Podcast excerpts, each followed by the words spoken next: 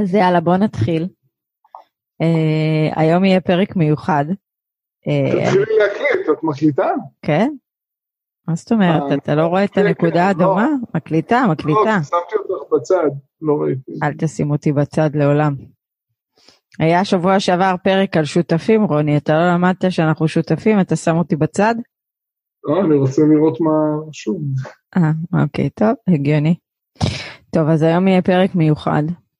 פרק שאני חושבת שאנחנו גם איכשהו חטאנו אה, בזה שאנחנו אומרים כל הזמן פיזור, ולא הסברנו מה זה הפיזור הזה.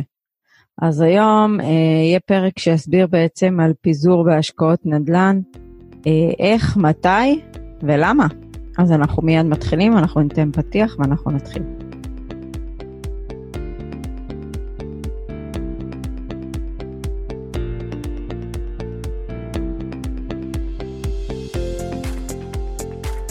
שלום לכולם, אני עדי בן אדר דהן ורוני אגה, אנחנו צוות Family Exit. אה, אם עדיין לא נרשמתם לערוץ יוטיוב שלנו, תעשו את זה, אנחנו מעלים תכנים בכל יום רביעי אה, בערוץ היוטיוב שלנו, אה, בפודקאסטים, יום רביעי אחת לשבועיים, אז מי שרוצה גם ליהנות מתוכן כל שבוע צריך להיכנס לערוץ יוטיוב, אתם מוזמנים להגיב, לשתף, לעשות לייק, אנחנו נשמח לתת לכם תגובה.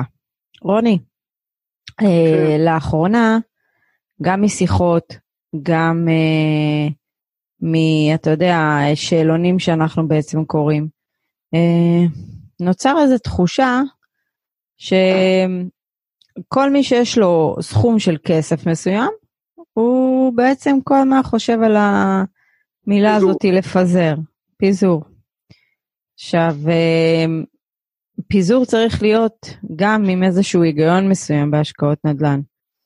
Uh, והכל מתחיל לדעתי בתוכנית, זאת אומרת, הכל עוד פעם מחזיר אותנו אחורה, מה התוכנית שלנו, מה היעד שלנו, ולפי זה באמת אנחנו יכולים לקבוע פיזורים. ואני חושבת שהיום מה שגורם לבלבול כל כך גדול זה ה... כל הידע שיש. אתה, סתם לדוגמה, פעם, אוקיי, היינו הולכים לסופר, היינו, הייתה פסטה אחת. אחת. נכון? חברת אוסם, היינו קונים אותה.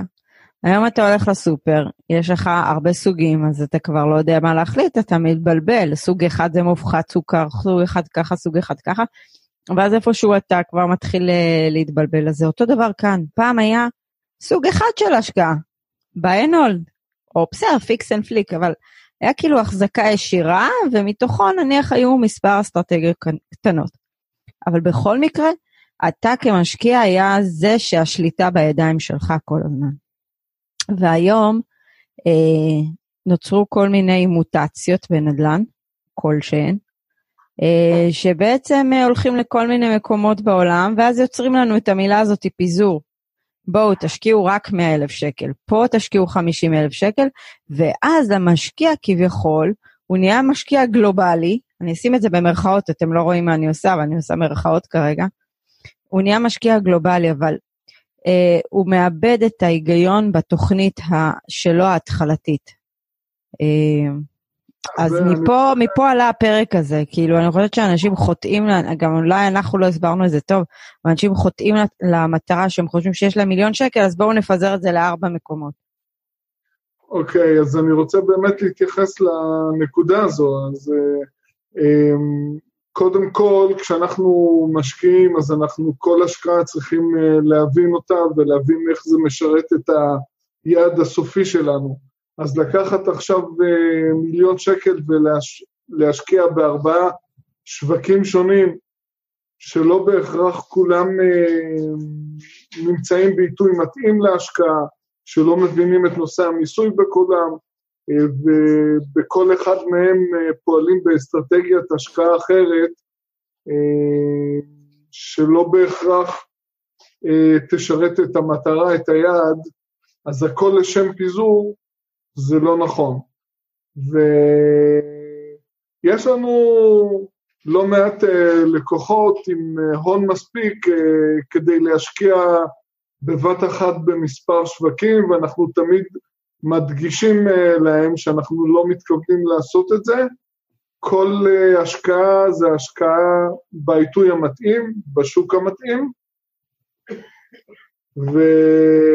לכן הם צריכים להתאזר בסבלנות, כי לבנות פורטפוליו נכסים מאוזן, בנוסף להתמקדות בנכסים סולידיים, הפיזור צריך להיות בכניסה לשוק בעיתוי הנכון.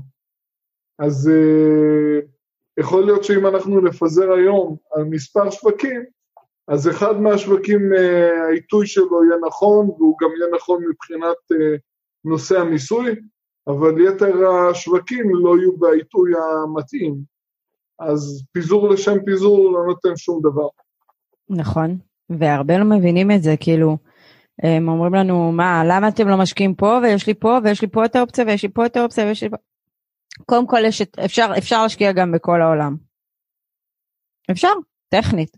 נכון. אבל צריך את ההיגיון באיזה מדינה להשקיע. אנחנו, ועכשיו כאילו אנחנו אומרים את זה עוד הפעם, אנחנו משקיעים רק בכלכלות חזקות. אתם רוצים לבנות פורטפוליו נכסים מניבים לטווח רחוק, שיהיה מאוזן, אז אתם צריכים להשקיע במדינות שהן, יש להן בעצם צמיחה כל הזמן, שהן כלכלות מאוד חזקות, שיש שם תרבות של, של חברות ניהול, תרבות השכרה. אתם הולכים לפעמים לחפש מדינות שהשכר מינימום הוא 1,300 שקל. איך אתם צופים בדיוק פה אה, אקזיט או איזה עלייה מטורפת? זה שכר ממוצע ברוטו, לא מינימום. צודק. כן. הייתי בלהט הרגע. אה, של הדירות שמוצעות הן פתאום 400 או 500 אה, דולר לחודש. כן? אז מאיפה מביאים? מהשכר הממוצע, כן. אבל אנשים הולכים להשקיע שם כי זה פיזור. זה פיזור והמחיר נגיש. אבל אתה יודע מה, זה, זה לגמרי, זה לגמרי נוצר מחוסר אה, הבנה של אה, מגמות שוק הנדל"ן. אה, וזה, ואנשים לא מבינים את זה, אתה יודע, לפעמים כאילו פשוט הם מתחילים לשמוע כל מיני מקומות, גם פונים אליי לפעמים אנשים, אה, פנתה אליי מישהי שאני אה, הולכת אליה לייעוץ הורי, והיא אז אמרה לי משהו על השקעות נדל"ן בבתומי. אז שאלתי אותה, את, את מכירה, יש לך רקע, יש לך משהו? שמעתי, שמעתי שזה טוב. ממי שמעת? מה זה ההשקעה הזאת? את יודעת מה זה? כי היא הייתה פעם אחת בביטומי, אז זה נראה לה יפה. כאילו, אם אתם הולכים לחופשה, זה חופשה. אתם לא הולכים לחופשה, זה, זה לא אותו דבר השקעת נדל"ן וחופשה, אתם צריכים להפריד בין השניים. ומספרים על הנייר זה לא המספרים בפועל, זה דברים שצריכים uh, להבין אותם. Uh, כן, אז זה מגלם רמת סיכון. כל משווק נדל"ן ממולח יכול להציג דברים אחרת, ובפועל זה, זה תוצאה שונה. אז אני הייתי רוצה קצת למקד את העניין יאללה. הזה של פיזור. לא, אני קודם כל פשוט היה לי חשוב להוציא את, ה, את הקיטור הזה, כי אתה יודע, הרבה, הרבה פונים אלינו עם זה, וכאילו אומרים, אתם ממליצים, ועוד הרבה ממליצים פיזור. כן, אז יש לי פיזור. קניתי קרן בגרמניה, קרן בארצות הברית, עכשיו אני רוצה דירה בצפון אנגליה, יש לי פיזור. אבל מה התיק עצמו אמור לעזור לך לטווח הרחוק? כאילו, תחשבו על זה, אנחנו נעשה פרק על קרן. היום כאילו אתם חושבים שקל להיכנס לשוק בתור קרן, קל. אוקיי, קרן, אני לא צריך הרבה מזומן, אני אולי לא צריך הרבה להתעסק, אז אני אשקיע בקרן, אבל וואלה, השקעתי בארצות הברית, השקעתי בגרמניה, השקעתי בספרד. אבל איפה זה מסתדר עם התוכנית שלכם? מה זה נותן לכם? גם אם תמכרו את זה, בסדר, תקבלו את מה, שה, מה שהקרן אומרת. אתם בכלל מחשבים את נושא המס בפנים? עלויות אה, מכירה, מס רווחי הון. אתם מחשבים את הרואה חש... אתם צריכים... עלות חברת השיווק. בדיוק. רווחים ליזם. טוב, אנחנו ניגע בזה בפרק אחר, אנחנו פשוט ככה אה, טעונים על הנושא כי, כן. כי שואלים אותנו הרבה על זה, אבל אנחנו נתמקד כרגע בפיזור, אבל אני חושבת שדווקא המוצר הזה שהמציאו הקרן השקעה, טוב, לא יודעת אם המציאו אותה, זה משהו, אתה יודע, יש קרנות מאוד ותיקות גם, אמ, אבל עכשיו זה מאוד פופולרי, אז גם הקרנות השקעה האלה, יש כל כך הרבה, אז נהיה להם מוצר מדף שהם פשוט צריכים, יכולים לאסוף אותו. פשוט יכולים להכניס לתק, לתיק הפורטפוליו שלהם.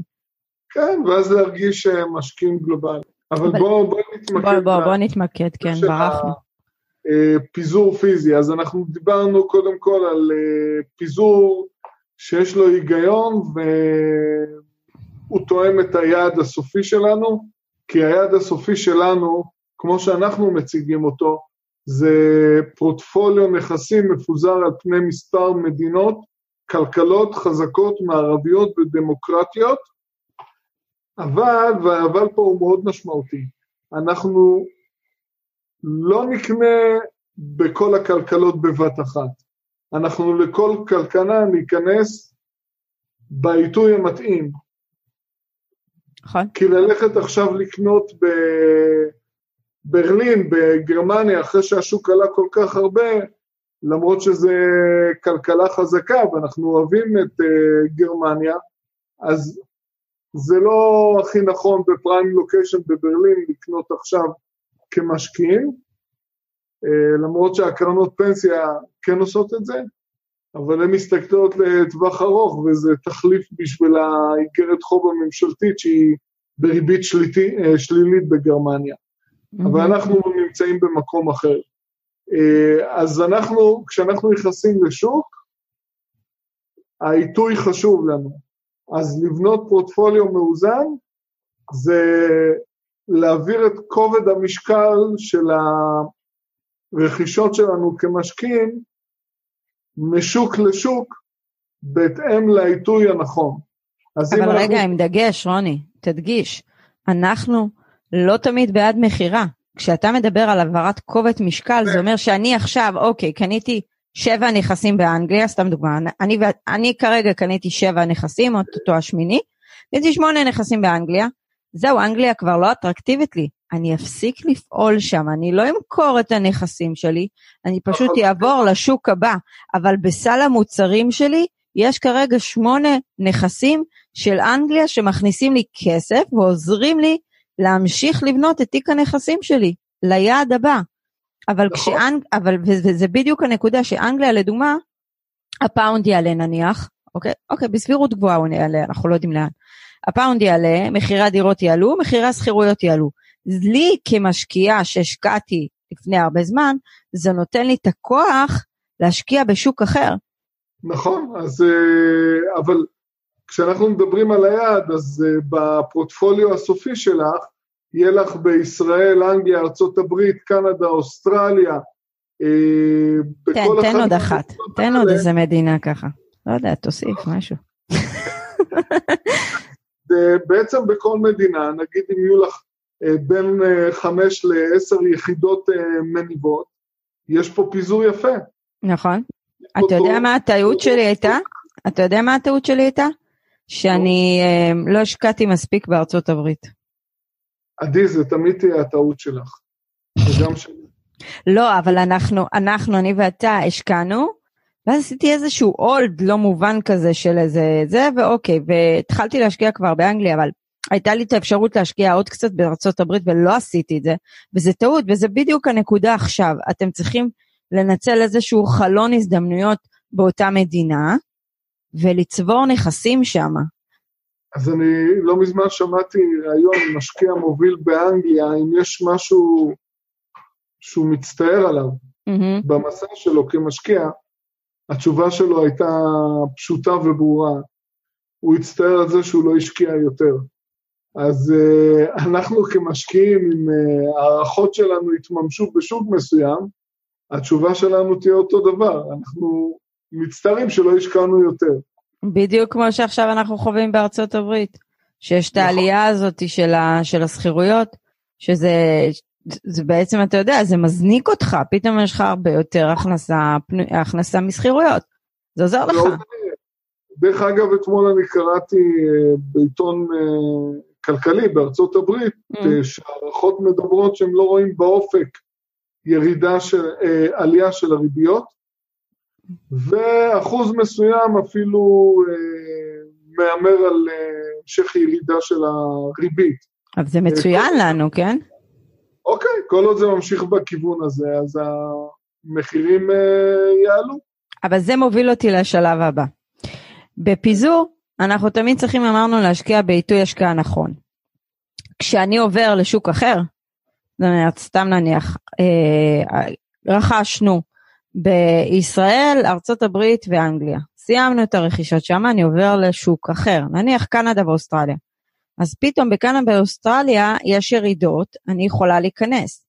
אבל שם יש ירידות, השכירות בקנדה ואוסטרליה לא תעלה בשעת משבר, השכירויות לא עולות, יש משבר, אנשים לא יכולים לקנות, אז זה סוג שאם אתם נכנסים לשוק הזה זה נראה מפחיד בהתחלה, אבל זה השוק הכי טוב להיכנס בו. ואז נכנסים לשוק הזה, ואז מה קורה באנגליה?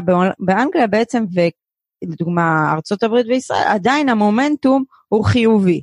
אז פה זה יוצר לנו בעצם שאני משקיע בשוק שהוא במומנטום שלילי, אבל יש לי תמיכה מהשוק שהוא במומנטום חיובי. אז אני רוצה להביא עוד uh, דברים מהניסיון עבר שלי. יאללה. אז כשאני נכנסתי uh, בשווקים במומנטום שלילי, לפעמים זה היה התבטא בזמן ארוך יותר של מציאת שוכרים, לפעמים ארבעה חודשים. לפעמים זה דרש ממני לתת uh, חודש אינסנטיב חינם כדי לפתות את הסוחר. Mm-hmm. ובאותו שוק גם היה משבר אשראי, אה, שבעצם המקומיים באותה תקופה לא יכלו לרכוש. אבל מאחר והיו לי גם נכסים בשווקים במומנטום חיובי, משם לקחתי וגייסתי הון כדי לקנות בשוק של אה, קונים, בשוק שנמצא במשבר. המגמות האלה, השוני במגמות, אמ, זה הדבר הכי טוב שיכול אה, להיות עבור משקיע גלובלי. הוא מנצל נכסים בשוק חזק, לרכוש נכסים מתחת למחיר שוק בשוק שנמצא במשבר. טוב, נקודה הבאה שאנחנו צריכים בעצם להתחיל לחשוב אה, למה בעצם אה, אה, לפזר, אה, זה קטע של אה, גזרות מס. אבל שוב, עוד פעם, הכל עם דגש שזה קשור לעיתוי השקעה. ושההשקעה היא בעיתוי הנוכחי נכונה. אז כאשר אנחנו בעצם אוספים נכסים, עוד פעם, יש לנו סל מוצרים, אנחנו אוספים מוצרים, אנחנו אוספים מדינות לתוך הסל הזה, אוקיי? מדינות חזקות כלכלית, לפחות אנחנו, והחזקה ישירה, לפחות אנחנו. אה, אז כשאנחנו אוספים לסל מוצרים הזה, אנחנו תמיד עם ראייה עתידית שאם יבוא איזה גזירת מס מתישהו באותה מדינה, הנכסים שאני משקיע בהם במדינה אחרת בעצם יאזנו לי את הגזירת מס שככל הנראה תחול עלינו גם כמשקיעים ותנגוס לנו קצת בהכנסה. אז משהו מקזז על משהו, אז עוד פעם, כשאנחנו אומרים פיזור, זה גם שיקול שנכנס. עוד פעם, תשימו לב, מס, מס, מס, אנחנו תמיד מדברים על מיסים, אז זה משהו שהוא מאוד חשוב בהשקעות נדל"ן. ולכן, היום מי שהולך גם להשקיע בארצות הברית, הוא נכנס בתקופה שכבר המחירים מאוד עלו, ויש כבר גזרות מס. נכון, אז אני רוצה, אה, עלה לי פה איזה משהו, רעיון. יאללה. עכשיו לא חשבנו לגביו, בנושא הגזרות מס. ברגע שיש לנו פיזור של פורטפוליו הנכסים, אז אנחנו כמשקיעים גלובליים, אני מדבר על משקיעים כבר ותיקים יותר, אז אנחנו עושים תכנון מס, ואנחנו יודעים שבארץ אנחנו יכולים לקזז פחת מבנה במשך 25 שנים. Mm-hmm. אז פה, אה, ברגע שיש לנו אה, אה, נכס שאנחנו כבר לא יכולים לקזז פחת, אז אנחנו יכולים לקחת כנגדו מימון ולקנות נכס במקום אחר, חדש, יקר, ופתאום לייצר פחת. לייצר עוד הכנסה ולייצר פחת. לא יודעת אם לייצר הכנסה, זה אומר לייצר הוצאה מבחינתך. אבל עוד הכנסה, את קונה עוד נכס. נכון, אבל תשימו לב, פחת היא הוצאה רעיונית. זה לא הוצאה שיוצאת לכם מהכיס, כן? נכון. זה משהו שמאוד חשוב לשים דגש עליו, זה לא יוצא מהכיס שלנו, אוקיי? זה סוג של תכנון מס פה. נכון, אתה יודע מה אני מזכירה לך, ואם עסקנו כבר אה, בתכנון אה, אה, מס, אז עוד פעם, אה, כל הנושא הזה של מדינות שאתם אוספים מהן בעצם, בכל מדינה יש לה את הנושא מיסוי שלה, שזה מאוד חשוב, אז אתם צריכים לשים לב שאתם לא נמצאים בכל מדינות אה, שיש בכולם גזרות מס. אתם צריכים בעצם לאזן את זה איכשהו. אז אם רוצה... עכשיו, אז ובדיוק בנקודה הזאת, אז למה אנחנו בעצם, איפה הבנפיט המאוד גדול של אנגליה? שכרגע בשלב הנוכחי וגם בצפי העתידי, אין לה אה, גזירות מס על הכנסה משכירות. אנחנו יודעים שיש את החוק החדש הזה שרוצה להיכנס של השלושה אחוזים אה, אה, מס רכישה, אבל בוא, זה שטויות, רוני. זה, זה, זה נניח עוד שלושת אלפים פאונד. זה מה שישבור את העסקה? אנחנו מסתכלים לטווח רחוק. זה הבטחת בחירות, זה עדיין לא בטוח שזה יתממש, אבל אה, לגבי הנושא הזה של הפיזור אה, לצורך תכנון מס, אה, אני רוצה להדגיש שבהרבה מאוד מהארצות הם מתייחסים להכנסה משכירות, אה, מבחינת המיסוי, המיסוי הוא פרוגרסיבי.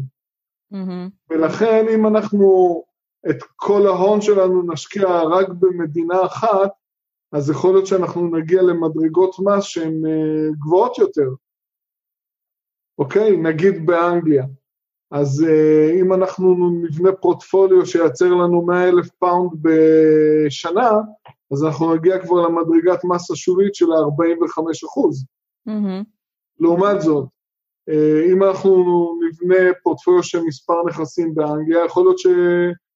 לא נהיה חייבים במס באנגליה, ואז נבנה בעוד מדינה אחרת, נגיד בארצות הברית, ובארצות הברית המס שנשלם יהיה רק עשרה אחוזים, אה, זה גם מס פרוגרסיבי עד הכנסה מסוימת, אה, וככה אנחנו תמיד נהיה במס הנמוך יותר בכל מדינה, מאשר לבוא ולהתמקד עם כל ההון והעוצמה במדינה אחת. כן. אז זה מבחינת... אה, אבל שוב, דגש על עניין של עיתוי. נכון. זה משהו שהוא תמיד צריך uh, להגיד אותו. אוקיי, פיזור נוסף שאנחנו רוצים לתת דגש עליו זה כשאנחנו קונים נכסים, אז זה טייפ מסוים של נכסים, אז אנחנו צריכים גם בסל הזה uh, לפזר. אז זה אומר שזה יכול להיות באותה מדינה, אבל אנחנו פונים לסוגי קהלים שונים של סוחרים, אוקיי? וגם אנחנו יכולים לפנות בעצם לקנות סוגים שונים של נכסים, דוגמת דירות, בתים, אה, דברים כאלה, זו הכוונה, אוקיי, multi family. עכשיו multi family לא הכוונה אה, בקרן השקעה, אוקיי, multi family הכוונה שאנחנו בעלי כל ה multi family.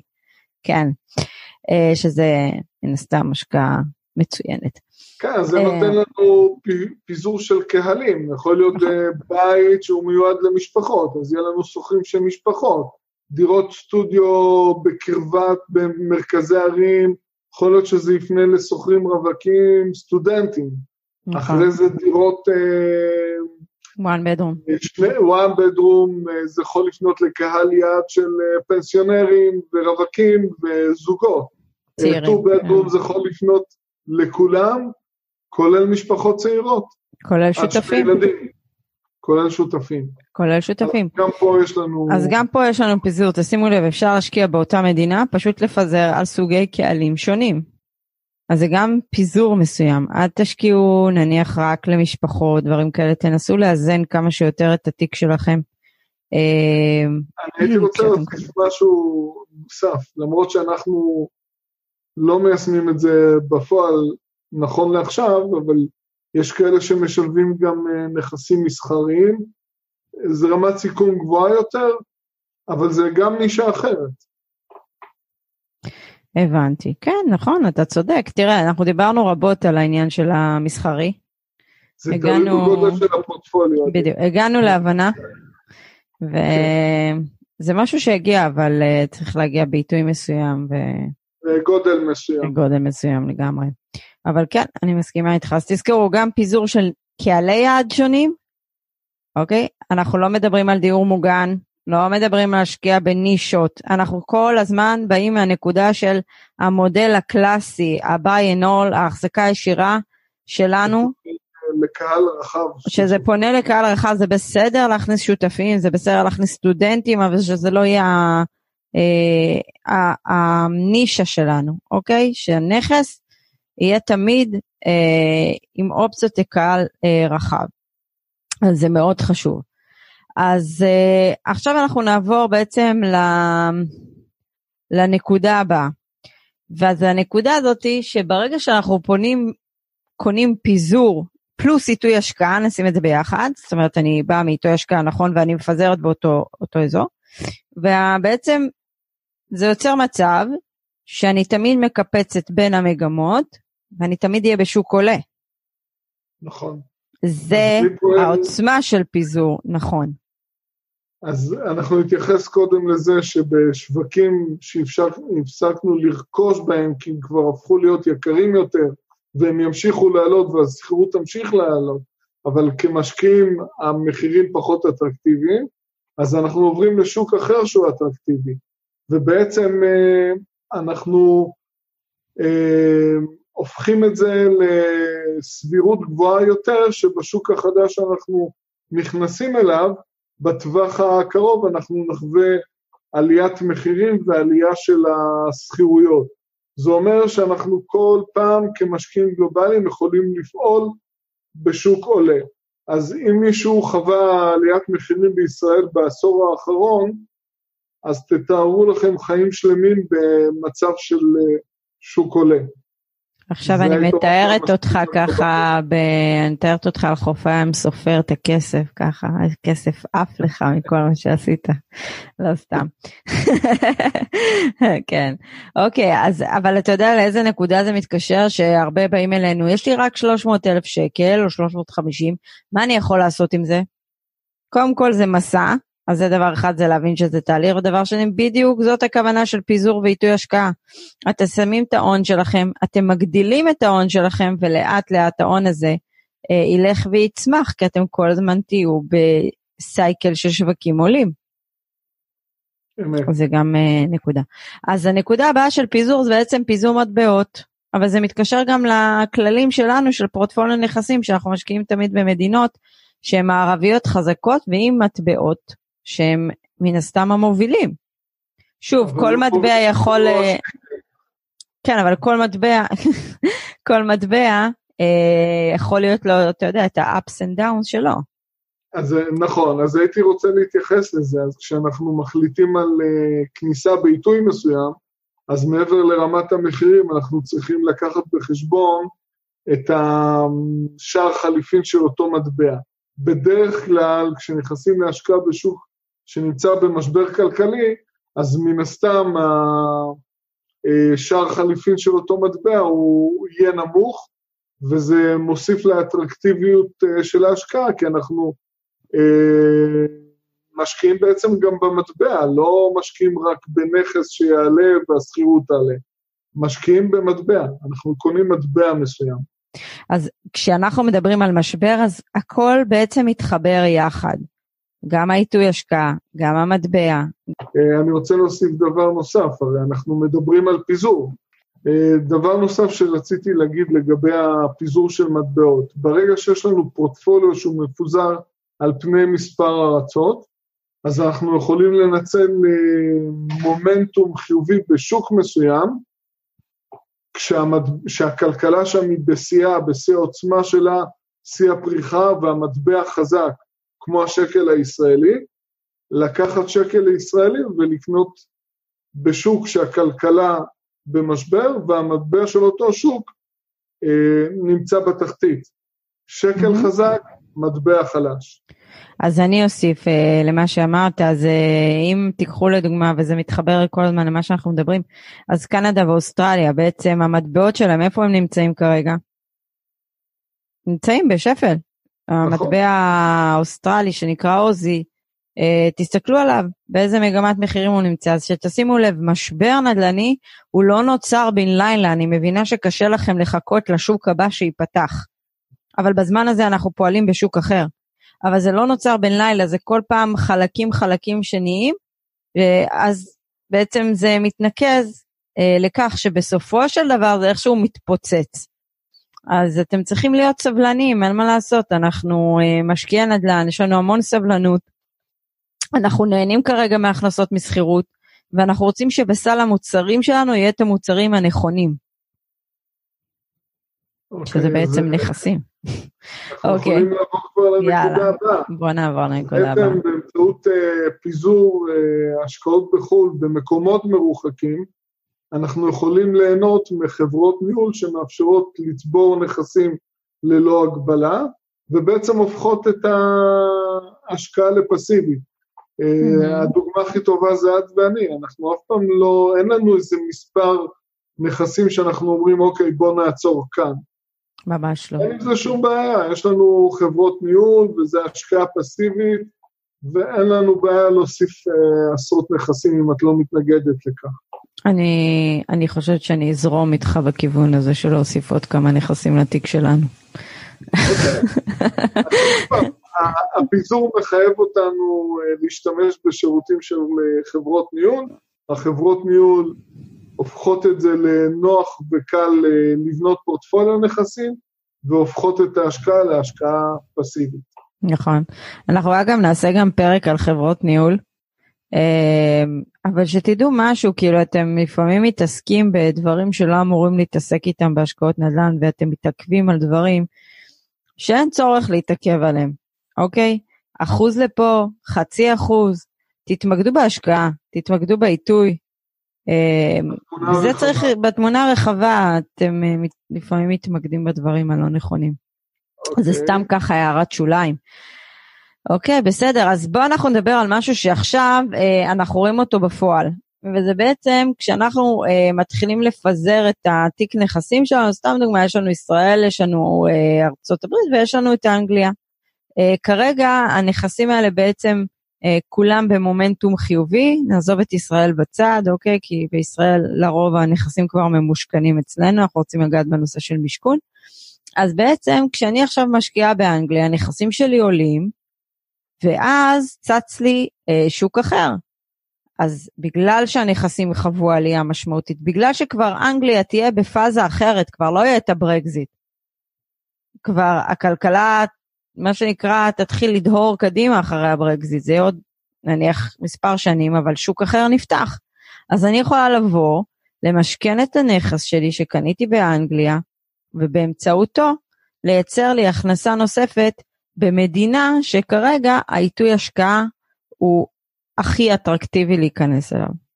נכון מאוד, אז אה, זה פיזור, זה האופציות שהפיזור בשווקים שונים מאפשרות למשקיע הגלובלי, ואני חושב הנקודה האחרונה שרוצים להתייחס אליה כישראלים זה פיזור כנגד משבר ביטחוני פוליטי מתמשך.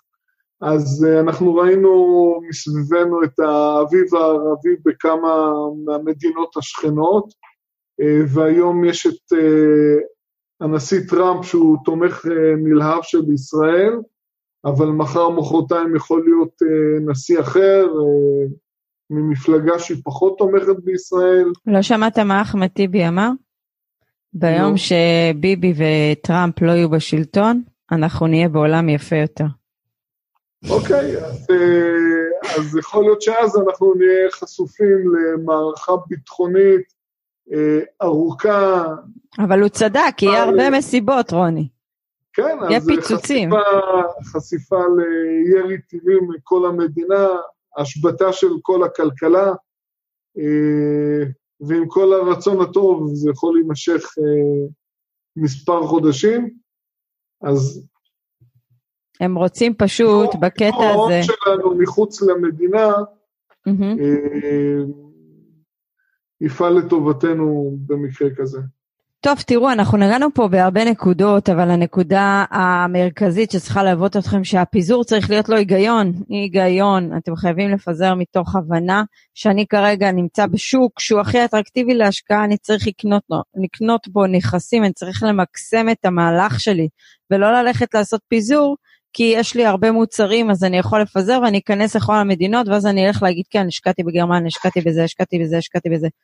Um, צריך להיות לכם היגיון להשקעה, צריך, ועוד פעם, זה קשור לתוכנית שאנחנו uh, תמיד צריכים uh, לארגן לנו מראש, ולפי זה אנחנו יודעים את נתיב ההשקעה שלנו. ותבינו, אין התעשרות מהירה. אין התעשרות מהירה, גם אם אתם תשקיעו בכמה שווקים, זה לא אומר שאתם עכשיו עצמאים כלכלית אחרי uh, שנתיים, שלוש, ארבע, חמש, זה לוקח זמן. תסתכלו על המשקיעים הכי גדולים, רוברט קיוסטקי. כל מי שהשקיע בנדל"ן, זה לקח לו זמן להגיע לנקודה שהוא מגיע אליה. וגם אנחנו, זה לוקח זמן. ואם אתם רוצים לעשות את זה בצורה נכונה, אז תקפידו על כללים, תבינו את ההשקעות שלכם, תבינו איך אתם נכנסים להשקעה, קרן, האם זה נותן לכם, איך זה מקדם אותי, איפה אני משקיע בשוק עכשיו, איפה הוא נמצא כרגע, מה הוא חווה לפני כן, ולפי זה תקבלו את ההחלטות שלכם. אה, אז אה, רוני, יש לך מה להוסיף? אה, או שאני חפרתי לא. מספיק? לדעתי אנחנו מיצינו את הנושא הזה בצורה רחבה ביותר, והפיזור הוא חשוב, אבל חשוב להבין איך לעשות את זה ולהבין שזה לוקח זמן. שוב, תבחרו את הפסטה הנכונה. מתקשר לי קודם. אוקיי, אז אה, אנחנו ניפגש בשבוע הבא לא בפודקאסט אלא בערוץ יוטיוב שלנו, אנחנו נעלה שם סרטון. אה, אני הייתי עדי בן אדר דהן, רוני אגה, תיכנסו לערוץ היוטיוב שלנו, תירשמו, תגיבו, תשתפו, תעשו לייק, אה, אנחנו נשמח להגיב ואנחנו נתראה בפודקאסט בשבוע הבא, שלכולם יהיה סופ"ש נעים וחמים. ביי כולם, ביי כולם, ביי כולם.